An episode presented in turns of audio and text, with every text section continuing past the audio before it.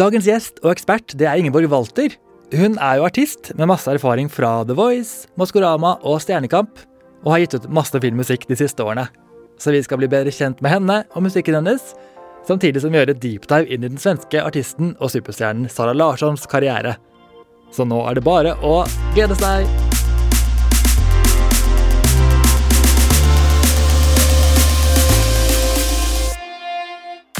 Året det er 1999, og musikkåret kickstartes med Britneys aller første album, Baby One More Time. Og så har vi også Ricky Martin som får oss alle til å ville live in la vida loca. Og Christina Aguilera får oss til å ville gni på alle lamper med gin in a bottle. Samtidig så eh, gir Eminem hele verden My Name Is på hjernen. Og Céline Dion setter standarden med Max Martin-hiten That's The Way It Is, som jeg fortsatt har på repeat. Og sist, men ikke minst, da, så blir Ingeborg Walter født i Norge dette året. Og jeg er så glad for å ha henne med meg her i dag, så velkommen til Popstalgi. Takk! Wow, for et år! Ja, det skjedde mye. ja. Er det ikke, eller De snakker jo ofte om sånn der Vi var så redd for at 2000-tallet skulle ødelegge alle maskiner. Stemmer det. Men husker du noe om det, av den frykten? Jeg husker bare at det var veldig sånn Hva skjer nå på Ja. nyttårsaften 2000? Ja. At det var en veldig rar følelse. Ja. At går verden under? Forsvinner all teknologi, liksom? Mm. Kanskje det var derfor det var veldig sånn futuristiske musikkvideoer, sånn som Larger Than Life, Backstreet Boys og de der eh, Ja, ja men helt sikkert alt har jo liksom en innvirkning på kunsten og musikken, da. Ja, det her har jeg ikke tenkt på før. Nei, ikke jeg heller. Uventet vending. Ja. Men du, eh, ja, velkommen hit. Hvordan har du det i dag? Hva, hva skjer i livet ditt om dagen? Takk for det. Eh, nei, det er jo januar. Ja. Så det er kjedelig at det ikke er så mye sol, for at jeg drives veldig av sollys og eh, får det mye bedre når det er D-vitamin litt lettere tilgjengelig. Helt enig. Men eh, bortsett fra det så er det liksom studio og eh, prosjekt, altså planlegging av prosjekter som skal skje i løpet av året og Det er jo det som er litt deilig med januar, at du har hele året foran deg. Jeg tenker sånn, Det er så mye som kan skje, da. Ja, det er jeg helt enig i. Mm. Jeg elsker sånn. Jeg er jo veldig glad i å planlegge og lage Excel-ark. Ja, du er det, og du er den lister. typen. Ja, jeg er skikkelig den typen. Kanskje litt sånn hvis folk hadde sett de Excel-dokumentene mine, så tror jeg de kanskje begyn- hadde begynt å lure litt, altså. er det såpass ekstremt? Ja. Er det da Ja. planer over hva du vil oppnå sånn med musikken og alt mulig, eller er det mer sånne hverdagslige ting? Ehm, I Excel så er det egentlig eh, hverdag. Jeg lager jo liksom mine egne kalendere også inni Excel. Sånn at når jeg får sånn der Google Calendar-greie, så har det ingenting å si. Nei. For, den, for jeg har min egen kalender inni Excel som den lever sitt eget liv. Oi, Så jeg må, liksom legge, fascinerende. inn- jeg må legge inn ting manuelt. Det hadde jeg aldri klart å opprettholde. Nei, jeg vet det. Men eh, det funker for meg, da. f- Fordi jeg har noe som heter synestesi. Å, hva er det for noe igjen? Det er en sånn eh, sanseforstyrrelse i hjernen. Men jeg vil ikke kalle det en forstyrrelse, da. Men eh, det er at eh, nervebanene som opplever syn og følelse, har, ligger litt nærmere enn andre mennesker. Oi, ok. Så når jeg hører eh, ordet Ordet Herregud, nå stoppa det helt opp her. E-ordet? Nei da. E-ordet. Nei, hvis jeg hører tallet åtte, da, så føler jeg at det er gult, og sånn hadde det vært Ah, det er hele det. livet. Det er så gøy! Jeg Ja. Mhm. blir så fascinert av mennesker som har det. Jeg liker å tro at jeg har det litt for noen sanger, men det er mer bare fordi jeg, på en måte, jeg tror jeg forbinder det med musikkvideoer og opptredener som har visse farger. Ja, Så det er jo ja, ikke helt ja. skapt fra mitt hode.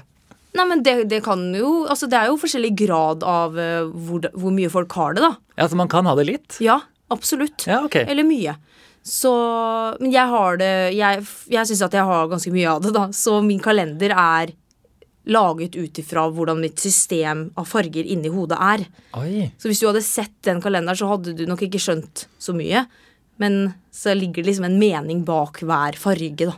Men er det sånn at når du er i studio, kan du si å, jeg har lyst på en, du vil ha på en måte en, nå vil jeg ha en rød lyd inni her? Altså, Ja, ja. da skjønner kanskje ikke de andre hva du mener, men du, kan du kommunisere sånn på en måte?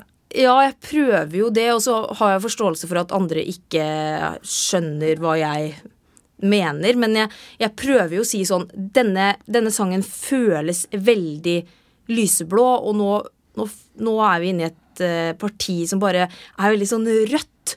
Og det, det føler jeg ikke passer inn i det hele tatt. Nei. Og da kan mange kan si seg enig i det, da. Og bare ja, jeg skjønner hva du mener, for det ble jeg litt sånn for rocka rocka og Ja, litt ikke for sant? røft, og vi vil egentlig ha det litt mykere, da. Ja, for når du setter opp de kontrastene mot hverandre, skjønner man kanskje hva du ser i hodet også. Ja, så jeg føler at det, det funker veldig bra, at det er et godt verktøy, da.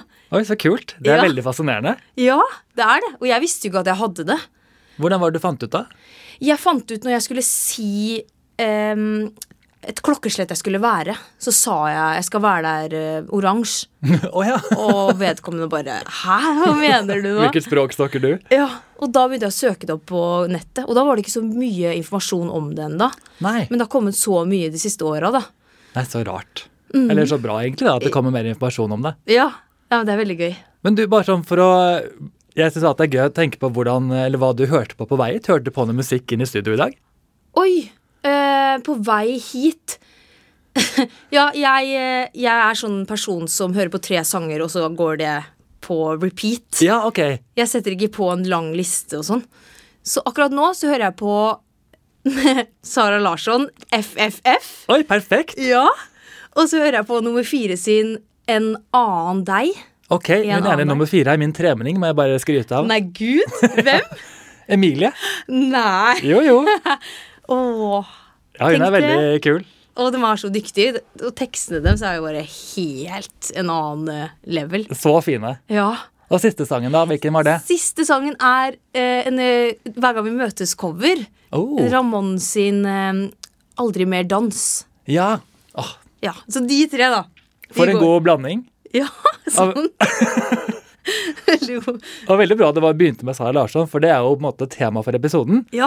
Vi skal jo så klart bli kjent mer med deg og din musikk, men så glir vi mer og mer over i Sara Larsson for å på en måte merge inn litt sånn ulike eh, artister her, da. Så, men eh, bare sånn for å etablere litt hvem du er og hva du gjør om dagen, for du har jo gitt ut ganske mye musikk siste årene. ja. Og du slo, slo du gjennom i The Voice, vil du si det, eller hva, gjorde du noe mye før den tid? Eh, mm, jeg har alltid drevet med musikk og teater. Ja, Hele livet. Så jeg har gått på ungdomsteater og gått på musikklinja. Og så fikk jeg spørsmål om jeg hadde lyst til å melde meg på The Voice. ja. Og da var jeg sånn Ja, vil jeg det? For at jeg skal jo drive med teater. Og så spurte jeg til teaterlæreren min sånn Burde jeg gjøre det? Er det lurt? Og så sa hun sånn derre eh, Jeg tror det kan være lurt, fordi ofte hvis du har lyst til å få deg en rolle på et stort teater, så kan det være lurt at du også har vært på TV-en, Ja, ikke sant? sier hun. Og så var jeg sånn Ok, det var mitt, sei- det er mitt tegn. Ja. Og så var det faktisk en, musikkli- en lærer på musikklinja som sa at jeg ikke skulle gjøre det. Oi. Ja. Men du lot deg ikke, på en måte, du tvilte ikke på det og kjørte på likevel?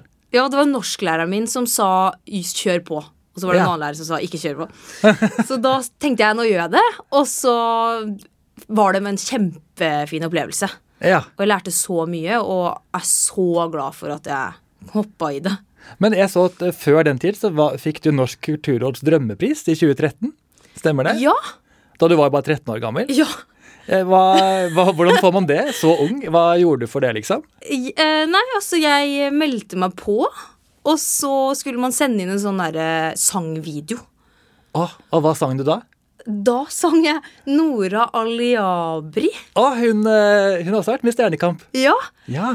Hun hadde en sånn der MGP-låt som var egentlig dritfin. Ja. 'Somewhere Above The Sky'. Det er eller den som noe. er skrevet av Christian Ingebrigtsen, tror jeg. Ja, stemmer. Ja, Ja, Den er fin. Den er skikkelig fin. Og så den sang jeg, da. Og så filma mamma meg, eller noe sånt. Og så kom man videre noen runder, og så tror jeg du måtte synge foran et panel. Oi. Ja. Modig som 13-åring. ja. Men jeg hadde vel ingenting å tape, da, og så var jeg bare kjempeglad i å synge. Og så Ja. vant jeg da i mitt fylke. Ok. Ja, man vinner i hvert fylke, da. Wow, kult. Ja, det var kjempestas. Så du var tidlig på den, vil jeg si, da. Ja, da har jeg alltid vært glad i musikk og teater, og Ja. det har vært veldig sånn Kommet veldig naturlig at det var det jeg skulle drive med, da. Hva var det du hørte mest på i tenårene dine? Har du noen sånne favorittartister fra det var litt mindre? Det er det som er så rart, fordi jeg føler man ofte har en sånn forestilling av en artist som sitter på rommet sitt og bare hører på masse, masse, masse artister og spiller gitar og skriver, liksom. Ja. Men sånn har det liksom ikke vært for meg. Nei. Jeg hørte bare på Hannah Montana. Åh, det er gøy! Og det var bare det. liksom Miley Cyrus, Hannah Montana. Ja. Og jeg hadde et skap som jeg tok ut alle klærne mine fra, og alle lekene, og så klistra jeg opp eh, Miley Cyrus og Hanna Montana-plakater. og pynta med lyslenke og all merchen, og jeg hadde jo alt dette. Herregud. pennal Og, så satt jeg inne i det skapet. Og bare drømte meg bort, og drømte om å bli Hanna Montana. Et sånn slags Hanne Montana-alter, liksom? Ja, faktisk. Jeg har bilde av det. Å, det vil jeg gjerne se. Ja. Så det, da gråt jeg jo inni der, da, for jeg ville jo bare bli ho. Ja, ikke sant? Ja, og tenkte liksom herregud, hvordan skal jeg, en jente fra Skjeberg, klare å stå på en så stor scene og lage musikk og Du har klart deg ganske bra, syns jeg. Ja, jeg skulle ønske lille meg kunne møtt store meg nå og bare sagt sånn Det går, det kommer til å ordne seg. Ja, ja, ja. Og jeg husker jeg sto på rommet mitt, satt på sikkert Hanna Montana 3, da, et sånn album derfra, Mm. og prøvde å etterligne Miley Cyrus sin stemme, den raspy greia. Ja. Og så husker jeg mamma kom inn på rommet mitt og banka på døra, og så sa hun sånn Du skal ikke prøve å liksom Prøve å finne din egen stemme? Smart, da. Ja, men jeg ble jo sånn Å, du skjønner jo ingenting! Jeg vil bare være Hanne Montana, OK? Det er det kuleste i verden. Ja. Men eh, faktisk et utrolig godt, godt tips, da. Så Ja, det syns jeg var fornuftig sagt. ja. Men eh, du var allerede innom eh, den s- sangen FFF av Sara Larsson. ja. Og jeg tar opp den, den igjen, for den, eh, du sang jo en sang av låtskriveren på The Voice. Nå gjorde jeg det litt Ja. vanskelig for deg, men vet du hvilken det kan være? Eh, So good? Eh, ja, ja. Det, det stemmer, det er jo Sara Larsson, men eh, FFF er skrevet med Julia Michaels. Mm, Of course. Of course, hun har skrevet alle de beste popsangene. Serr? For du sang jo Issues, og det er jo en av mine alltime favorittsanger. Den er så fin. Ja. Du gjorde en veldig fin versjon for øvrig. Tusen takk. Var det, hadde du valgt den helt selv, eller var det, noe som, eh, liksom, var det lett for deg å velge den låten? på en måte? Det er det, er- altså det spørsmålet der har jeg faktisk aldri fått før. Og det Oi. er et skikkelig bra spørsmål. Oi, tusen, tusen takk. Fordi du kan jo velge hvilken som helst låt. Ja, det er akkurat det. Og du må velge en låt som fire personer skal like at du synger. Mm. Og det er vanskelig å forutse. Ja. Og så, jeg tror jo litt på sånn der eh, universet, da. At du kan, eh, du kan få noen hilsninger fra universet, eller noen tegn på hva du bør gjøre, da. ja. Så jeg sitter i bilen med pappa, og vi har akkurat vært på Kiwi. Ok. Vi setter oss inn i bilen. Vi er i Skjeberg her, altså. Ja, Nå ser jeg det for meg. Det Ja. håper jeg dere også som hører på, også gjør. Ja, Det er januar, og det er, eh, det er sånn vær som det er nå. Ja. Drittvær. Grått og kjipt. Ja. Og så bare setter vi på radioen, og så er det den låta som kommer. Ah. Og så ser jeg på pappa, og pappa ser på meg. Og vi tenker begge to det er den. Oi. Det er den jeg skal ta. Så ble det den. Ja, det var meant to be. Ja. Den er så fin, for den er så nedtonet og på en måte minimalistisk, selv om den får frem veldig mye følelser og vokal også. Den har kombinasjonen av begge deler. Mm. ja. Un- Og den er så tidløs òg. Ja, helt enig. Eh, eh, Hun eh, har jobbet masse med Sara Larsson, og vi skal jo mer inn på Sara Larssons musikk etterpå. Men du nevnte allerede So Good, som du også synger på The Voice.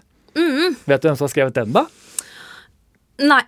Charlie Puth. Oi! Det syns jeg er litt gøy, for han er jo eh, altså, ve- stor popartist på- i egen rett, liksom. Men han skriver for mange andre også. Oi! Ja, Ja. flink.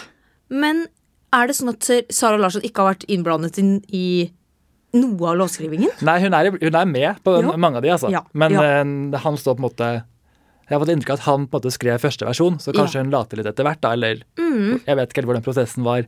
Nei, nei, Mm. Men nei. det er alltid nei. gøy å tenke på at eh, sånne navn også er med på disse låtene, syns jeg. Ja, og det er f- det, Sånne ting skjer oftere enn man egentlig vet. Absolutt. Nå er det mer med vanlig å ha sånn 10-12 låtskriver på én sang. Ja. Det syns jeg er fascinerende. Ja. Hvordan ser den writing-campen ut, liksom? Ja, ja, ja. Det, ofte så går det jo mange runder, og så er det jo litt sånn Hvis en person har vært inne i et rom, men nødvendigvis ikke skrevet eller kommet med en idé, men har kanskje gjort noe annet som kunne påvirke låtskrivingen, så har de egentlig krav på å stå der, vet du. Det er det, ikke sant? Ja. Det må være veldig vanskelig å vite hvem som på en måte skal få hvor mye av hver låt, hvis man bare har Altså, det er vanskelig å måle hvem som har gjort hva. Det er noe av det vanskeligste, syns jeg. Ja. I forhold til det å gjøre sessions og Og så er man i en kreativ Mm. prosess, ikke sant? Og så, så skal ting settes i system etterpå. Ja, man vil, liksom, ikke- man vil jo ikke tenke på det underveis for å stoppe den kreative flyten, vil jeg se for meg. Nei, nei, nei. Men så må man jo ta stilling til det en eller annen gang. Ja. Og da skal man liksom begynne å sånn Ja, men jeg skrev jo egentlig det verset. Altså, det er jo det verste. Men Ja, det skjønner jeg. jeg har ikke hatt noen sånn ubehagelige situasjoner på det enda, men det, Nei. jeg har jo flere kollegaer som har stått i noen stormer, da. Ja. Da er det kanskje lettere å også jobbe fast med noen, så du på en måte får en relasjon med dem og vet hvordan de jobber, og har en slags eh, prosess for det, liksom. eh, Rutine, vil jeg tippe. Ja, jeg eh, har jobba med en veldig f- fin eh, person som ofte bare tar litt notater un- etter eh, hver session. Å ja. Eh, bare for å liksom keep, keep track på ting som har skjedd, da. Og så, men han er psykolog òg, så Å, det ja. kan hende at han har litt eh, Det er sånn multitalent. Du, du skriver låter og får psykologbehandling underveis. Ja, ja. Å, herregud, han har hørt så mye. Ja, men Det er kanskje ikke så dumt. da. Man åpner seg veldig opp når man skriver låter. Ja, ja, ja. Det passer jo man bra. gjør jo det. Men jeg, nå skal vi, altså din første utgivelse var jo Ta meg tilbake. Ja. Og det var samme år som du var med i Stjernekamp, i 2020. Mm. Den eh, låten, Var det noe du hadde liggende klart, eller skrev du den både etter Stjernekamp, eller hvordan ble den til? Den kom til i eh, mars 2020, og så Ja. var jeg med på Stjernekamp i 20... Nei, au- august 2020. Al- Altså samme år. Samme år, ja. August samme Så du hadde den klar da du begynte på Stjernekamp, da? Ja, fordi jeg eh, alltid, hvis man kommer til finalen, så skal man jo synge sin egen låt. Ja, ikke sant? Og jeg hadde faktisk gitt ut en engelsk låt Oi! i januar. Dette visste ikke jeg fins den på streaming. Den fins på en annen Ah, Spotify-kanal. sneaky, sneaky. Ja, Så jeg har skilt dette norske prosjektet fra The Voice og det engelske engangsprosjektet. Ok, men ligger den ute fortsatt? Ja! Hva heter den eh, profilen, da? eh, Profilen heter Ingeborg Walter, Å ja, herregud, jeg burde ha funnet den. men jeg orker ikke at den skal få så mange monthly listers, så jeg prøver å Nå shadowbanne den. eksploderer den. Nei da, men den sangen er faktisk fin. Den er veldig fin akustisk, men Ja. den er så utrolig sånn elektronisk pro produsert. Ok, Så um, det er ikke noe jeg spiller den dag i dag. nei. Men jeg ville i hvert fall ikke at det skulle være den låta jeg eventuelt sang i finalen. Nei. Så da ble jeg sånn derre Å, jeg må jo lage mer musikk. Og så ble det norsk musikk, for det føltes mye mer rett å skrive på norsk, da. Ja, litt nærmere, liksom. Ja, og mye mer tilgjengelig. Mm. Jeg hadde jo prøvd å skrevet litt på engelsk, men eh, det føltes bare så utrolig sånn påtatt at det ikke kom fra hjertet, men mer fra hjernen. Ja. Mens mm, den norske musikken, kom, da kom det liksom setninger sånn n- uten at jeg tenkte så mye på det, på en måte. ja. Ja, men det kan jeg se for meg. Mm. Men veien fra The Voice til Stjernekamp, da? Hvordan gikk det til? Det var jo tre Ja. år mellom der, eh, nesten. Ja, det er tre år der. Jeg hadde jo fortsatt denne planen om at jeg skulle bare gjøre teater. Ja, du hadde det fortsatt i bakhodet? Ja. Eller i framhodet? ja Framhodet eller bakhodet. Midt i hodet. Veldig Whatever. Og etter The Voice så ble det jo veldig stille, egentlig. Ja. For når du er med på sånne programmer, så får du en litt falsk virkelighetsoppfatning av hvordan bransjen fungerer. Mm. Du får jo bare disse låtene produsert ut på Spotify, og mange av dem var på topplista. og Eh, ja, Så jeg trodde jo at jeg fikk en låt i posten, på en måte. Eh, Ja. Eller sånn var en session. Jeg visste ingenting. Nei. Og jeg gikk fortsatt på musikklinja. Så jeg Ja, var jo ikke sant. tilbake på skolen, og liksom Livet skjedde, og sendt er glemt, liksom. Nå er det nye programmer og Ja. Så jeg eh, begynte på folkehøyskole. Romerike folkehøyskole. Men du gjorde det. Der er broren min også gått, faktisk. Ja, Ja. spennende. Og så gikk jeg teaterlinje der. Ren Ok. teaterlinje. ja. Og da begynte jeg å kjede dritten ut av meg. Og du vurder- vurderte ikke engang musikallinjen, liksom? Du ville ha bare teater? Nei, jeg, jeg skjønner virkelig ikke hva som jeg tenkte med. Nei, ikke jeg Men heller. jeg tenkte sånn, jeg skal bli en person som eh, går KIO og bare gjør Ibsen og Ja. Jeg skal bli den, tenkte Litt jeg. mer sånn høykulturell, på en måte, om det Ja. er lov å si. Ja, litt sånn nasjonalteater. Å, wow, jeg, så skulle, flott. jeg skulle dit. Ja. Men så bare fikk jeg liksom reality check på hva det egentlig innebærer, da. Ja. Og det var liksom ikke så givende som det å kombinere musikk og teater, da. Nei. Så da f- eh, forsto jeg hvor viktig musikk egentlig er og har vært. Og det å synge, da. Så etter det så ble jeg faktisk ansatt på et teater til å gjøre musikal. Å ja, ok. Så da gjorde jeg det et år, og så kom covid. Og så Ja. kom Stjernekamp, da. Skjønner. Så det var sånn det funket. Ok. Ja. Men du har jo litt musikalnummer holdt jeg på å si senere, for du er med i Sister Act, ikke sant? ja. Eller var med i Sister Act, da. Mm, I fjor Ja. så gjorde jeg det. Parallelt med musikk, da. ja. Og, Og- føltes det bra da? Få liksom sjonglere begge de sidene av deg? Ja. Mm. Det var så digg. Å gjøre begge deler. Ja. Det er liksom det ideelle. Hva med da å skrive en egen musikal? Må jo være perfekt for deg. Ja, ja faktisk. Ja, Shit, kanskje det skal jeg gjøre om noen år. ja. ja. Neste gang. Åh, det, men det må være vanskelig, men eh, sikkert sykt gøy. Ja, det syns jeg også er veldig imponerende, de musikalene som slår an, som på en måte er kommersielle og fengende musikk, og teksten skal være så for- historiefortellende. Det er så mye å tenke på. Ja, absolutt. Og så er det, det fins jo veldig mange musikalsjangere, da. Ja. Jeg er veldig glad i den derre folkpop-musikalen. Hvis du har hørt Dare Evan Hansen, for eksempel. ja, det har jeg. Ja, Mm. Sånn er jeg veldig glad i å høre på, da. Ja, jeg skjønner. Jeg kan ikke være den typen som setter på Le Mis Nei, og trener, liksom. det er litt heavy. Ja, jeg har en venn som gjør det, skjønner du. Oi, Ja, spesielt. ja. Og han ser ut som den eh, hunken, liksom. Og så har han på liksom den nydeligste musikalmusikken når han trener. Hører bare On My Own blaste ut, liksom. Ja, ja. Det er gøy. Det er interessant. og Det har ikke jeg pleid å trene til, i hvert fall. Nei. Eh, Jeg tenkte også å løfte frem Hjertebank, en annen låt du gir gir ut i 2021. Den Ja! er litt mer sånn power. Den er så catchy og kul. Og det er skikkelig gøy at du sier, fordi det er den låta jeg liker minst. Nei, fra seriøst? Meg. Ja. Oi, ok. ok. Ja. ja. Nei, men eh, Er det, men da den kom, var du veldig glad i den, eller har du på en måte bare vokst fra den? Eller? eh? da han kom, så var jeg veldig glad i den. Og det var den første låta mi som ble lista på P3. Ja, det er stort. Så det var jo veldig, veldig stas. Ehm, så jeg må jo respektere den for det den er. Og jeg må jo respektere den versjonen av meg selv som, som ga ut det og sånn. Ja. Men eh, det er bare Det er bare noe med oppbygningen som jeg føler er litt sånn vanskelig å gjøre live, da, for eksempel. ja, ikke sant? Det har ikke jeg tenkt på, så klart. Nei. Så, men vi skal faktisk spille den live til sommeren. Oi. Og, men da skal vi ta noen grep, rett og slett. Ok, For å bare få det til å flyte litt mer eh, For den er så utrolig elektronisk. ja. Kanskje Så- du da finner, eh, f- finner kjærligheten for den låten igjen. Det Ja. får vi håpe. Jeg håper det, jeg òg. Jeg vil gjerne se den live. Ja. Men så har du også laget en låt med Ramón. Var Ja. Mm-hmm. dette alt? Hvordan kom dere i kontakt? Du, vi kjenner hverandre fra 2008. Å ja. Vi spilte i um, Putti Plutti Pott. Å ja, det er så vanskelig å si. Jeg klarer aldri å huske om det er plutti, putti, plutti. Ikke jeg heller. Men det hørtes riktig ut. Ja. Vi spilte der, og han spilte hovedrollen Putti Plutti Pott. Ja, Og jeg spilte sånn nisse, da. Ok. Eh, og så Han lærte meg de dansene, og han var bare helt nydelig, og vi spilte DS sammen. Å, Og, så koselig. Så dere har bare holdt kontakten? ja, Vi har bare liksom fulgt med på hverandre egentlig helt til nå, da. Ja. Og så havna vi jo veldig inne i den samme bransjen til slutt, Mm. og har gjort sessions sammen og Men Ja, man møter jo liksom folk her og der. Så- Det må være deilig å jobbe med en du kjenner godt fra før av. da. For liksom, da er man kanskje litt tryggere på hverandre. Ja, og så er det jo gøy at vi har kjent hverandre i så mange år. Og så er han jo en ut- utrolig inspirerende artist som eh, det var så, eh, det er kult at han bare gikk over til norsk, for han har jo også liksom gjort litt engelsk og Ja.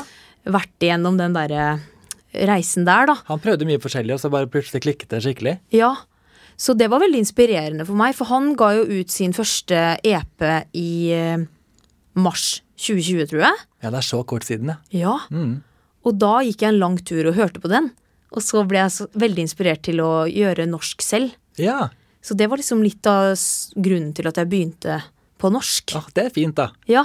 Inspirasjonskilden Ramón. Ja. Eh, du eh, gjør også en veldig mektig opptreden av The Prayer på Allsang på grensen dette året. ja, ja. Den det så jeg på, den. året der, altså. Den tar liksom av. Ja, den tar av. Da måtte jeg ta meg en sangtime på Zoom med en som heter eh, Reidun Sæther. Oi, oi, oi. Ja, er det hun som også har vunnet Stjernekamp, eller? Ja. ja. Hun er, altså, hun er så flink, eh, både sanger, men også sanglærer. Å ja. Jeg lærte altså så mye av henne, jeg, på sånn seks sangtimer enn det jeg hadde gjort over tre år. Å ja, så kult. Ja, hun, Men hun bruker complete vocal teknikk, som er en type f s- fagskole eller et eller annet som du kan ta i København. Å ja. Og så har det på en måte en ideologi, da. Jeg vil ikke kalle det det, da, men det er en teknikk man kan bruke for å få fram forskjellige elementer med stemmen, da. Oi. Og det hadde jeg ikke hørt om før. Jeg tenkte eh, ofte at det bare var å stramme magen, og da kom lyd, men Ja. hun eh, lærte meg mye om hvordan man legger vokalene, og hva slags lyd man da får. Og det er forskjellig fra stemme til stemme. ja. Så du må på en måte Ofte nå, da, når jeg skal gå gjennom en låt, så prøver jeg ut de forskjellige vokalene på de høye punktene av låta, Ok. og bestemmer meg for hvilken vokal jeg skal synge, da. Altså, du mener de ulike vokalene du kan gjøre med stemmen din? Eller er det Ja, et eksempel er for eksempel eh, her, Litt av et eksempel, men du vet den Frost-sangen? Ja, ja. Into the Unknown? Å ja, jeg trodde du skulle si Let it go, men så klart. Jeg kan jo den også. Ja, for det er to forskjellige sanger, det! Ja. Ja, det er det! Ja, ja men nå tar jeg Into the Unknown. Ja. Fordi der er det jo et, et, s- et veldig høyt eh, parti, Mm. og hun synger sånn Into the Unknown Ikke sant? Mm, ja. Og da tenker du jo kanskje at du skal synge Into the, into the Unknown, for det er jo det det står, ikke sant? ja. Knovn. Nei. Jo, Into det the er vel sånn det Unknown. Ja. skrives, ja. Ja, og da tenk, gamle meg tenkte Ja, da skal jeg synge O, fordi det står jo O. ja. Men teknisk så skal du si- faktisk synge into the unnown. Ja, ikke sant? Som en A, da, på en måte. Ja, men jeg Nesten sang æ, AO. da. Ja. Helt til æ. Og da plutselig hadde jeg, hadde jeg mulighet til å gå så høyt. Oi! For det klarte jeg ikke før, når du sang O. For da kommer det noe annet ut av uh, altså, stemmene, liksom. Da Fordi- kan sprekker stemmen bare. ja. Du mister liksom støtta, da. Nei, så kult. Det er veldig fascinerende. Veldig. Så det bruker jeg alltid nå, da. Og det hjalp deg gjennom The Prayer også, da. Den ja, sangen. ja, der òg måtte jeg jo ta noen sånne runder, da. Og d- ju- under hele Stjernekamp òg så gikk jeg gjennom alle låtene med ho på Zoom under covid. Wow! Ja. Kult. Du, og så neste året, da vi i 2022, da var det jo Sister Act. Mm. Og så tror jeg første låten fra EP-en din ett år kom dette her eh, kom i slutten av 2022, eller så var det 2023? Eh, første låta fra EP-en kom eh, januar 2023. Ja, ikke sant? På grensen tror jeg. der. Ja, ja, ja, ja. Rett på grensa. Men der har jeg skjønt at du synger om eh, bruddet med kjæresten din. Ja. Ja, Ja, ja, ja. det stemmer. Ja, jeg leste en artikkel om det, så tenkte da er det vel lov å ta opp et såpass nært tema. Ja, det er lov. Det er lov. Og det hører man jo så klart i tekstene òg, at det handler om Man kan jo gjette seg til det. Ja. Eh, Første låten og tittellåten ett år er jo veldig, veldig fin, må jeg bare si. Takk. Hvordan var det den ble til? Den ble skrevet eh, Ja, det er faktisk gøy, fordi den ble skrevet i februar i fjor. Å ja. Så EP-en var jo ikke ferdig selv om første låt på EP-en kom. Nei. Så den ble skrevet i februar i fjor, og så var den gjennom mange mange, mange runder fram og tilbake. Og så ble den ferdigstilt i august i fjor, og så kom hele EP-en i september. Ja, ikke sant. Wow, så det var liksom, alt var et sånn pågående prosjekt som ble formet underveis, på en måte. Ja, og det var egentlig litt deilig. Fordi at det ofte så kan det ta to år før låter kommer ut, liksom. Ja. Mens nå så tok det det da bare et halvt år. Og den ble skrevet med Helge Moen og Jim Bergsted? Stad? Ja, Bergstedt Jeg er jeg, usikker nå, jeg. Ja, nei, jeg er litt usikker sjøl. Men de er veldig flinke begge to, var egentlig det jeg ville si. De har laget så mye bra låter. Ja, ja, ja, dem er helt rå. De er som sånne maskiner som bare øh, spyr ut poplåter her og der, altså. Og det er dritbra. Ja, det er veldig fascinerende. Ja. Og så de jobber på en veldig sånn eh, fascinerende måte òg. Det kan jo at de jobber annerledes med andre artister, men med meg så så er det ofte at eh, han Helge setter seg ved PC-en, Ja. og så begynner han vi, s- vi snakker om hva slags vibe vi vil ha, da.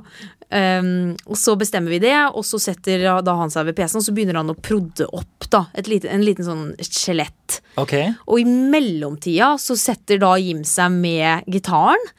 Og så begynner vi da å bare forme ut en eh, topline, da, som det heter, som skal ligge over. Og da kan hende dere gikk inn i studio uten på en måte, noen idé? At alt bare kommer der inne? Eller har, dere som regel, med- har du som regel med deg noe du vil forme den dagen, på en måte? Det kommer litt an på, men den Ja. dagen der så var det ingenting. Nei. Da gikk jeg bare inn og bare tenkte nå skjer det som skjer. Blankt ark. Ja. Og så, men det er veldig gøy, da, for at de har jo en veldig effektiv prosess der ting gjøres samtidig. Det Ja. proddes opp samtidig som det skrives topline. For ofte så skrives hele låta, og så begynner man å prodde. Ja, ok. Så det er jo ganske effektiv pros arbeidsprosess, da. Ja. Men eh, nå har jeg fått høre masse om din musikk og liksom forstått litt mer av hvem du er. Eh, og du sa at du jobber med mye musikk som kommer i år også. Er det noe du kan røpe om hva vi har i vente? Mm, jeg kan si ett ord. Ett ord. Oi, Oi, spar, sparsomt. Ett ord. Nei, men eh, Eller jeg kan si en setning. Ja, kjør på. Jeg kommer til å gå litt mer organisk til verks. Oi, ok. Så da kan man eh, tolke det fritt. Det høres veldig interessant ut. ja. Og så tenkte jeg nå at vi kan ta en liten eh, tidsmaskin tilbake til eh, da Sara, når Sara Larsson ble født, altså 1997. ja. Hun heter jo Sara Maria Larsson, fullt Ja. navn. Blir født 16. desember. Så tenkte jeg vi skal på en måte bli med på hennes reise gjennom popmusikken, for du er veldig glad i hennes eh, musikk, er du ikke det? Ja, absolutt. Det er en av mine favorittartister. Ah, enig. Ja. Jeg synes det er så gøy at på en, måte, en eh, skandinavisk artist har kommet opp på det nivået hun har, for hun er Mm. så veldig sånn powerful og jeg har slått gjennom egentlig glo- globalt. da. Det er så deilig å se. Ja, helt enig. Veldig inspirerende. Ja. Og hun var jo også sånn, det virker som dere har vært litt like der, at hun fra veldig tidlig av visste hva hun ville bli. Hun sa jo da hun var liten, jeg tror hun var fem år, da hun sa at hun ville bli noe stort, på nivå med Elvis. Det er bare, ja, ok, ydmyk holdning. Ja, Og og det- det ble det jo. Ja, det- hun gjorde jo det. Kanskje ikke helt Elvis ennå, men hun jobber seg opp dit. Ja. Og hun lot seg inspirere av Whitney Houston og Carola, liksom. Det er også ganske store forbilder. ja. Så, men eh, husker du selv når du eh, på en måte falt for Sara, når du begynte å like musikken hennes? Mm, ja. Jeg eh, så hun på Skavlan Å i ja. 2017. ja.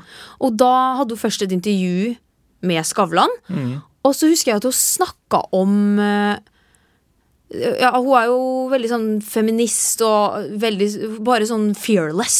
Ja, absolutt. Selv om det sitter masse menn eh, rundt det snakkestedet der, så bare kjørte hun på, liksom. Og jeg elsker det.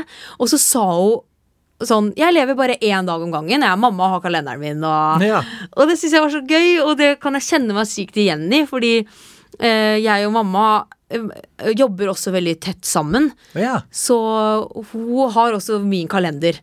Og, Og hun skjønner den selv eh, på tross av alle fargene og alt. eh. ja, det tror jeg faktisk ikke, men eh, de- den gir jo mening sånn tallmessig og dagmessig òg, men Ja. alle fargene tror jeg ikke hun heller skjønner seg på.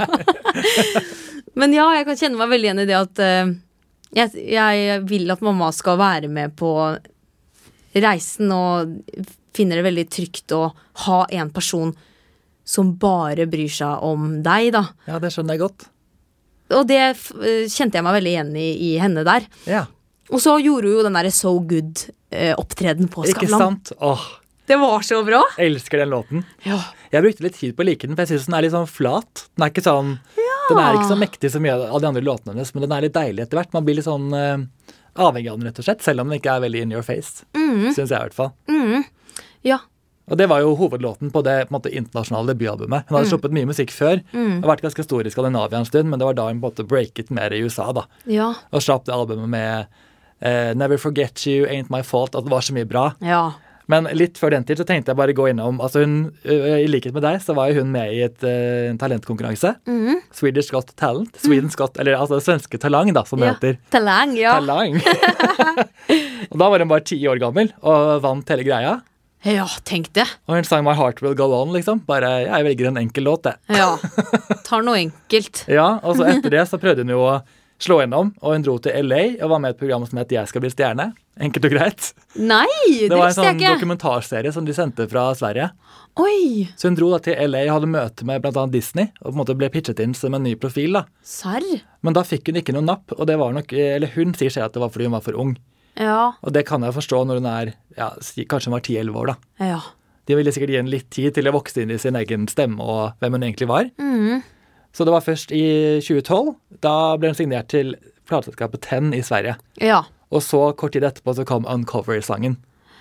Husker du den eh, Ja. balladen? Ja, ja, ja. Ja. Å ja, så den, den kom såpass etterpå, ja. Ja, den kom tidlig. Da var jo hun hvis jeg, Ja, da må hun ha vært eh, 14, tror jeg. Ja, Kjapp hoderegning. ja da. Ja, ikke sant? Fordi jeg var tolv i 2012, Ja. og da kan vi plusse på to. Ikke sant? Enkelt og greit. ja. Eh, men det var jo på en EP som het Introducing. Veldig passende nok. Ja, Her gud. kommer Saras eh, liksom, debut. Det ble en superhit i Skandinavia, i Norge. altså Her var den jo kjempepopulær. Mm. Jeg husker hun sang den på um, Nobelprisen. Jeg tror det var et par år etter at den kom. Eller i hvert fall Stemmer det. Ja, Ja. Kjempebra opptreden. Jeg husker jeg gikk i syvende klasse da, og så kom det en gutt til meg bort, og så hadde han en mobil, og så visste han den låta, og så sa han sånn Hør på den låta her, det er en jente fra Sverige, og hun synger sykt sånn som Rihanna. Ja, Det sa alle, husker jeg. Ja. At hun hørtes ut som Rihanna. Ja, Det er jeg jo litt enig i, for så vidt. ja, ja. Og har sikkert tatt inspirasjon derfra, liksom. Ja, jeg faktisk intervjuet henne på den tiden her. Altså for Julia-bladet, om du husker Har du det. duo? Ja. Bare sånn casual, du dropper det inn her. ja, ja, ja. Men det var, da var jeg så nervøs, for da hadde jeg ikke hørt så mange intervjuer før. Nei. Og hun var jo veldig ung, men jeg var likevel, hun føltes som en sånn veldig sånn moden voksen person som på en måte var så mye mer verdensvant enn det jeg var. av en eller annen grunn. Hun var så Oi. veldig trygg da, i seg selv. Ja. Og, hun, eh, og da sa jeg det at det bare, du har så lik klang som Rihanna. Mm. Da så jeg at hun ble litt sånn der, jeg tror hun var litt lei av å høre det, så hun bare eh, Ja, jeg elsker jo egentlig Beyoncé. Å ja. Ja. Så jeg bare, ja, du, jeg, ja det, jeg, jeg måtte bare la den ligge, liksom. ja var alle ikke- sa sikkert det, vet du. Jeg tror det. Ja. Men hun var veldig hyggelig. altså. Vi gikk gjennom låt for låt på albumet og snakket om masse turneringer. Hun var en veldig kul, eh, kul jente. ja, hun virker jo veldig bra. Så hun, eh, altså hun ga jo ut veldig mye musikk etter dette her. Det var jo to EP-er, litt sånn debut-EP-er begge to. Eh, Allow Me To Re- Reintroduce Myself kom samme år som den første EP-en. Så det var veldig sånn Oi. introducing, og så Allow Me To Reintroduce Myself. Var litt ivrig, vil jeg si. Ja, li- sånn We Just Met You, men ok. ja faktisk. Men hun kjørte på, og så kom da første albumet ut i 2014. Det heter bare One. Det var jo ikke egentlig utgitt i Norge, tror jeg, sånn egentlig. Det var mest fokus på Sverige. Og var da Uncover og et par, en låt som var skrevet av Tove Lo, som heter Skipping a Beat. Ja. Som jeg syns er litt undervurdert. Den tror jeg faktisk ikke at jeg har hørt. Nei, den eh, burde du sjekke ut. Ja. Men det er det jeg syns er veldig kult, da. At du ser hvor mye katalog som egentlig ligger der før det tar av. Det er akkurat det. For jeg føler det er så sykt sånn derre nå til dags, så skal man liksom Du skal gi ut én låt, og så skal du forvente at det skal ta helt av på TikTok. Ikke sant? Skjønner du? Og det er jo så lang vei dit, Ja. som regel, da, for de fleste. Ja. Det er ikke bare gjort over natta. Nei, Selv ikke for Sara Larsson, liksom. Nei selv om hun hadde vunnet det programmet, og det var, det var likevel en lang vei dit. Mm. Men jeg så faktisk at i dag så kom det albumet her ut på streaming globalt, for det har vært foreløpig bare i Skandinavia. Oi! Så hun la det ut rett før du kom inn i studio her, så var jeg sånn Available now globally. Altså det, det der fra 20... Fra 2014. Nei. Så What? vi har jo hatt det hele tiden, men nå kan også sikkert USA og andre land høre på det, da. Så Ja, ja, ja. hyggelig for det. Ja. Men hun, så føler jeg at det tar enda mer av når hun kommer med Lush Life. ja. Den var jo bare en gigahit. Jeg husker jeg så den og var sånn Nå, nå tar det av her, for jeg så den liksom den dagen den hadde premiere, for jeg var allerede da veldig fan. ja. Og bare hørte den biten der dun, dun, dun, dun, dun, dun, dun, dun. Du får den liksom ikke ut av hodet. Nei, nei, nei. Det er sommer, altså. Ja, helt enig. Det er sommerlåt forever. Åh, jeg blir så glad i den. Og jeg, hun hun hadde jo typ, brukte jo typ to år på å promo- promotere den verden rundt. For det var jo sånn, først var det hit der, og så var det hit der. Ja. Og så tok den av i England, og så tok den av i USA. Altså det var sånn, Den hadde så lang reise. Ja. Så derfor var den også med på albumet So Good som kommer i 2017. Ok, så den er gamlere enn det? Ja, den kom i 2015, liksom. Nei. Det er ganske gøy å tenke på at den hadde så lang reise. Og det er litt fordi de på en måte bare begynte å promotere den av ulike markeder, og så bare tok den av mer og mer. Og det var jo før TikTok og alt sånt, så det var ikke så lett å bare boom, lansere den i hele verden. Ja, ikke sant? Så det er litt fascinerende å tenke at det kan gå den veien også, at det bare skjer litt organisk, på en måte.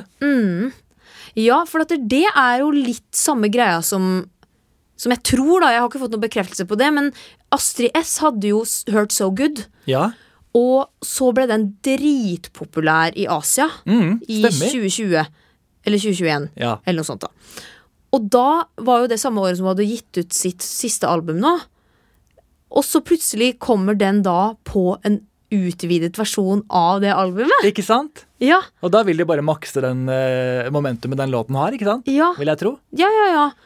Og så kan det kanskje generere streaming på de nyeste låtene òg, da. Ja, Det er veldig smart å gjøre det på den måten. ja absolutt. Og så er det jo, ser det på en måte bedre ut å ha et album som bare nå har den så mange millioner streams, som Ja. du får inn den store hiten også. Ja, ja, ja. Ja, Så det herregud. skjønner man jo at man gjør, liksom. Ja, ja, ja. Griper sjansen. ja.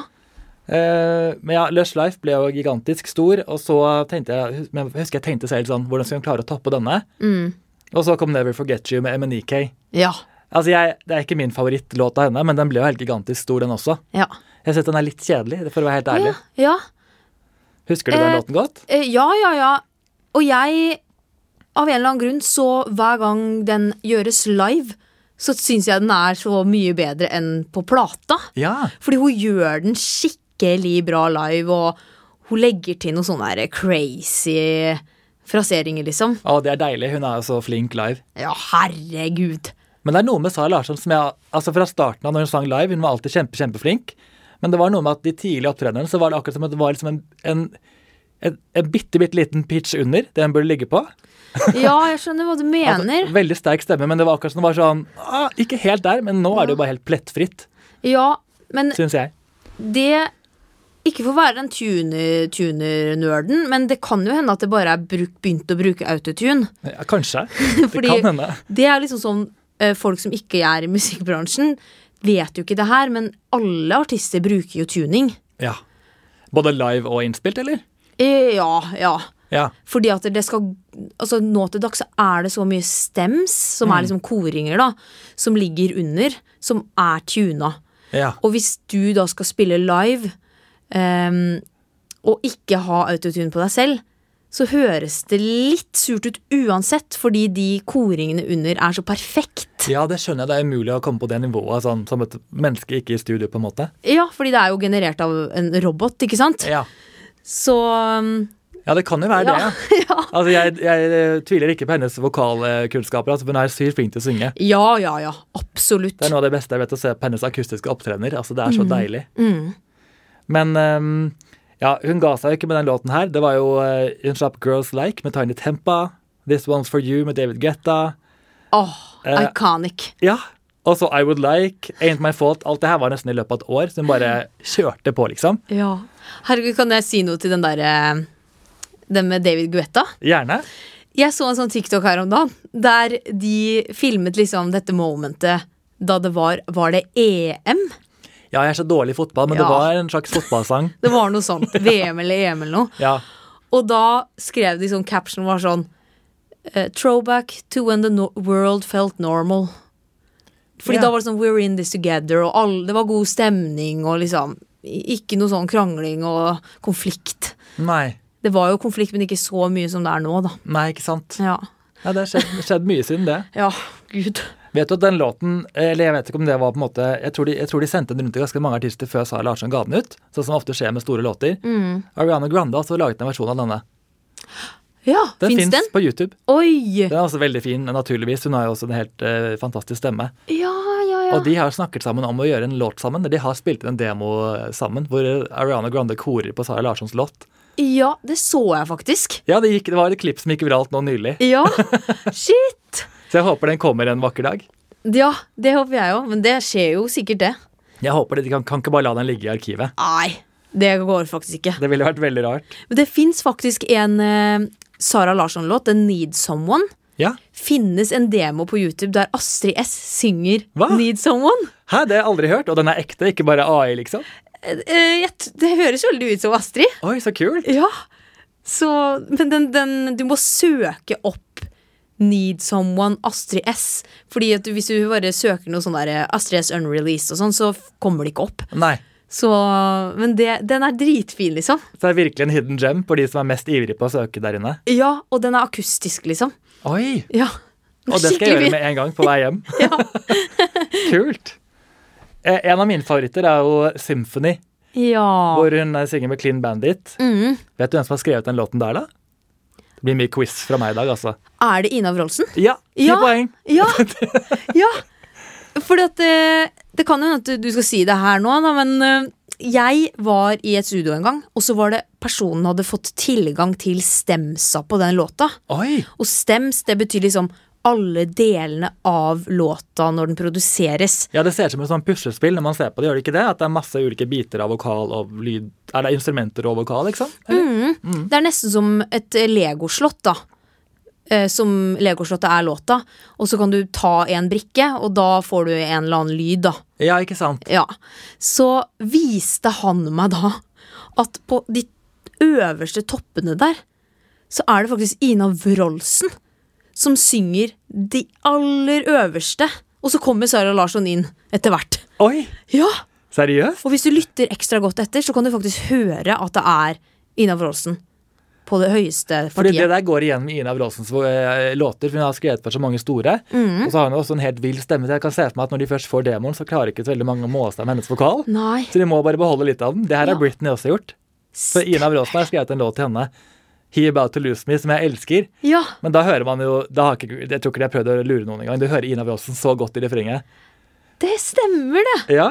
Der hører man det jo så godt. ja, for der går Britney bare ned. Er sånn, mens Ina Bråsen har den lyse hovedvokalen. Det er Ja. Mm. Veldig rart. Ja. Men en veldig fin låt, da. Og det er bare cringe til Ina at alle bare vil beholde stemmen hennes så mye som mulig. Ja, ja, ja. Og den låten ble også en superhit. Og den ble også, som vi snakket om i sted, den ble lagt i som en bonuslåt på dette albumet. Sikkert fordi den ble så svær, da, så de bare På So Good. Ja, Albumet, ja. Mm. stemmer. Så det her albumet er fullt av hits. Ja, fordi jeg så på det her om dagen, så var jeg sånn Herlighet! Er det mulig å få så mange hits inn på ett album, liksom? Ja. Hvordan kan man vite at det skal slå an så godt? Men da kan du trøste deg med det, da. Du Ja. begynte i 2015, hentet en låt fra slutten av 2017, trakt alt sammen. Ja, Det var en lang eh, epoke, liksom. ja, ja. Ja, Men fortsatt veldig imponerende. ja herlighet! Ehm, nå er det jo, hun har jo gitt ut ganske mye musikk. Hun har en periode hvor hun bare slipper singler i 2018, ikke noe album. Da er det bl- blant annet Ruin My Life. Ja. Den er fin. Den er sånn jeg vokste litt på meg, men den er ikke sånn jeg må høre på, på en måte. Mm. Den kan jeg liksom ta fram innimellom. Men eh, det er ikke sånn at man setter på den med en gang, men den er jo dritfin, liksom. Den er det. Mm.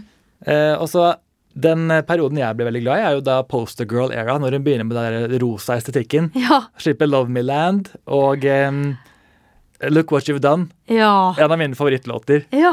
Den er så god stemning. Ja, helt enig. Når den der Love Me Land-låta kom, Ja, det var jo bare helt eh, sjukt. Å ah, jeg vet. Den syns jeg er så undervurdert, for den ble jo ikke så veldig populær. ja. Altså til å Nei. være Sara Lar- Larsson, da, Den har jo flere millioner streams, det er ikke det. Ja, men det ble ja. liksom ikke noe mer enn en hit her i Norge og Sverige, følte jeg. Nei, den er jo på en måte litt utilgjengelig for mannen i gata, kanskje. Ja, kanskje det. Det syns i hvert fall jeg. Eller første gang jeg hørte på den, så tenkte jeg sånn What is in this song? altså, ja, for det føles bare ut som man har liksom Eller for meg, da, så er den låta Nå skal jeg ta fram den synesesien min, men Ja. for meg så er den låta svart. Ja, meg òg. Ok, Ja. Mm. bra. N- Bra, ja. Svart med sølvpigger. Å, jeg ser det veldig for meg. Ja. Den Og er veldig det er den. hard, liksom. Ja. Men eh, jeg syns både videoen og låten er helt Altså, jeg elsker den. Også skrevet Ah. fy av søren. Julia Michaels, by the way. Er den det, ja? Eller sikkert med. Jeg skal ikke trekke alt fra Sara Larsson her. Nei, nei, nei. nei, nei, nei. Eh, Flott. men ja, det er veldig mye bra sanger på det albumet. Eh, Ja. Blant annet, hun gjorde også en sånn konsert med Ikea, hvor hun gikk live på YouTube under, midt under covid. Så du den noen gang? Ja, den så jeg. Det syns jeg var så bra. Jeg så på den live hjemme og var helt sånn Da var man så drained etter å gå på konsert. Så bare det å få en sånn fullverdig opplevelse var så gøy å se. Ja, det der var jo mektige greier. Ja, den anbefaler alle å se på YouTube, for det er så bra liksom, sceneproduksjon og dans og vokal. Alt er bare så gjennomført. Ja, fy søren, altså. Innmari flink. Og så ligger det en sånn derre um, o- ø, Den låta som heter Wow. Ja, den er ikke jeg så glad i. Nei, jeg skjønner det, og jeg er enig, men den liveversjonen Ja, du tenker fra Europe Music Awards, fra Ja. MTV EMAs. Ja! Ja, den elsker jeg! Ja! For da går hun jo nesten i spagat. Da er hun jo helt on fire. Ja, ja, ja. ja. Da med likte jeg faktisk glitter. låten bare. Ok, nå ble den bra. Det var det jeg tenkte òg. Da ble jeg sånn Oi, den er jo faktisk bra. Ja, Ja, helt enig. det er gøy. Men den er vel ikke på den Poster Girl? Eh, jo, jeg tror det ble litt sånn som en bonustrack på Poster Girl. Ok. Tror jeg, men jeg Ja. er litt usikker. Ja. Men den eh, Wow gir meg litt det som den nye låten til Sara Larsson nå med David Guetta gir meg. Den der eh, On My Love. Oh, my love. ja, ja. Det er litt sånn, Ja. Den er bra, men ikke helt Jeg trenger litt mer sånn ren Sara Larsson, ikke bare sånn DJ-pakke. Ja, ikke sant? Mhm. Det, ja. Så jeg skjønner at hun gjør det, fordi det er jo litt lettere for streams med en DJ på laget og på en måte gå den Å, veien. Føler jeg at det er flere som hører på det på trening og på byen og ja, ja, jeg bruker den på, på mølla hele tida, jeg, Ikke så jeg skal sant? ikke si noe, jeg, altså. Men eh, det, bare én ting om den der Poster Girl. Ja. Jeg synes at den Love Me Land er liksom sånn Den er jo på en måte litt sånn outcast fra hele albumet, hvis du skjønner hva jeg Helt mener. enig. Det kommer jo ingen annen låt som minner om Love Me Land. Nei, helt annen estetikk og sound. Ja. Jeg tror, jeg ser for meg, eller jeg føler at det var liksom Love Me Land kom ganske lenge før albumet. Ja. Jeg tror det var nesten et år. Mm. Og så gikk den, som jeg sa, litt dårlig. Oi. Så jeg tror de gikk tilbake og begynte å liksom planlegge på nytt. Vi må gjøre noe annet. Så Ja. kom denne rosa drømmeverden til, som var Poster Girl, som jeg liker også veldig godt. da. Og så ser jeg for meg at de kanskje byttet ut litt låter. Det her vet jeg ikke, altså. Jeg bare tolker det sånn. Ja, det gir jo så mening. Mm. Fordi at når hun liksom eh, lanserte den nye eraen, så tenkte jeg sånn nå skal vi ned i mørket, og vi skal ned i liksom synt-mørket. Ja, Som er litt spesielt. Men Og så det- bare gikk vi rett over i rosa kommers. det ble en veldig kort visitt i det mørket. Ja. Men der følte jeg faktisk at vi kom litt tilbake nå på det siste som har kommet, da. Ja, den der You Love Who You Love. Den siste singelen, som er sånn to uker gammel eller noe. Ah, ja, men jeg, jeg mente egentlig den derre Can't Tame Her. Can't Ah, tame Å, her. den er så bra! Ja. Det var en av mine mest spilte låter i fjor. ja. Oi, det er godt gjort. Eller den kom kanskje Ja, når kom den?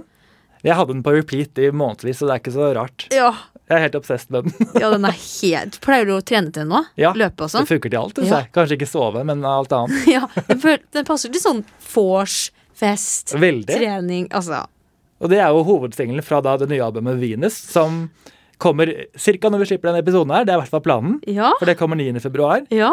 Jeg gleder meg så mye til å høre all den nye musikken. Jeg. Jeg òg. For jeg har hørt fire låter. Det er da Can't Tamer, End of Time, On My Love og da You Love Who You Love. Ja. Så vi har mye mer å glede oss til. Ja, det, jeg så faktisk en tracklista, og det var en del låter der. Jeg tror det er åtte låter til. Ja, det er jo mange nye låter. Ja. Og jeg, jeg skal innrømme at jeg er ikke så glad i førstegangslytt. Å ja. Fordi at der, eh, ofte så eh, liker jeg ikke ting egentlig så godt første gang jeg hører på det. Nei. Eller at hjernen min er sånn mm, Klarer ikke helt å catche på ting før jeg har hørt det et par-tre ganger, da. Ja. Så det skjer ikke ofte at jeg faktisk går inn og hører på album sånn fordi jeg er interessert. Men jeg er så fan av Sara at selvfølgelig gjør jeg det da. Men er det en artist jeg ikke bryr meg så mye om, så skjer det ikke at jeg tar og hører gjennom et album for gøy. Nei, OK. Ja, Nei, for Jeg skjønner hva du mener, det er ikke alltid det fester seg med en gang, men jeg er så nysgjerrig at jeg bare må høre gjennom. og på en måte, Jeg vil jo like det. ja, Så jeg tar det på Ja. meg som en sånn jobb. sånn, «Nei, nå I dag må jeg høre på dette albumet, jeg må bare gjennom det. ja, ikke sant? Ja, men det blir litt sånn at man må få hjernen sin til å kikke på det og ja. huske det igjen. Og så er det noe med at hvis Jeg liker jo veldig sånn ren pop, liksom, som er kjempetilgjengelig. Ja, Og da iblant er det jo første ti sekundene er sånn 'Å, denne sangen elsker jeg', ja, men da er det ofte at en uke etterpå så er jeg jo så ferdig med den. ja, sant. Det er litt sånn bruk og kast, på en måte. Ja, Så det er, Det er de som tar litt lengre tid, sitter ofte lenger, da. det er så sant. Ja. Ja, Så eh, vi får håpe det er en god blanding på dette nye albumet til Sara, tenker jeg. ja. De som er veldig tilgjengelige og litt mer eh, Kanskje litt mer interessante, på en måte. Mm. Men eh, Jeg kunne ønske vi kunne snakke om den nye musikken, men vi har ikke hørt den ennå, så jeg håper bare at alle hører på albumet til Sara. Ja, Alle hører på din eh, musikk, Ingeborg. Du har Ja. så mange fine sanger. tusen hjertelig takk. Jeg gleder meg til å høre mer i året som kommer. Det gjør jeg òg. Eller året som er her, sier man vel. Ja, ja, vi er jo bare i januar. Ikke sant? Det er det. Så, eh, og så vil jeg bare runde av med en liten Britney Spears-quote, for det pleier jeg å ha til mine gjester. Ja. Så nå eh, ja, Det er varierende hell om jeg finner noe som matcher gjesten eller ikke. Vi får se om du kan kjenne deg igjen i det her. In the bathroom I could sing more songs because it echoed. It was when I got out of the tub and started singing in front of my parents that I would just totally get on their nerves. Jeg bare så for meg deg som liten som kanskje sang hele tiden. Ja, ikke sant? Ja, ja, ja. Nei, men den passa jo kjempebra, den. Ja, er det, Tror du det har gått familien din på nervene innimellom, eller er de bare støttende og glad?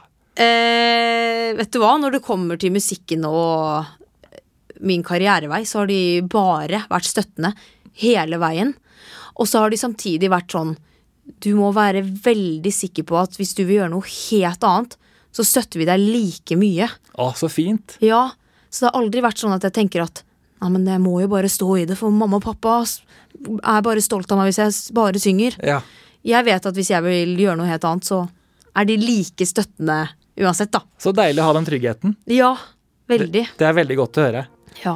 Men da er vi egentlig ferdige. Bare tusen takk for besøket. Det var så hyggelig å bli kjent med deg. I like måte. Eller det var veldig hyggelig å være her, og hyggelig å bli kjent med deg òg. Å, så bra, så bra. så gøy at du har hørt gjennom hele episoden. Det betyr jo kanskje at du liker det du hører på. I så fall så håper jeg du vil legge igjen en rating. Del gjerne podkasten med en venn. Og ta kontakt om du har forslag til morsomme temaer eller gjester jeg burde ha med. Bare send meg en melding på at Erik Rydning på Instagram. Ha det bra så lenge.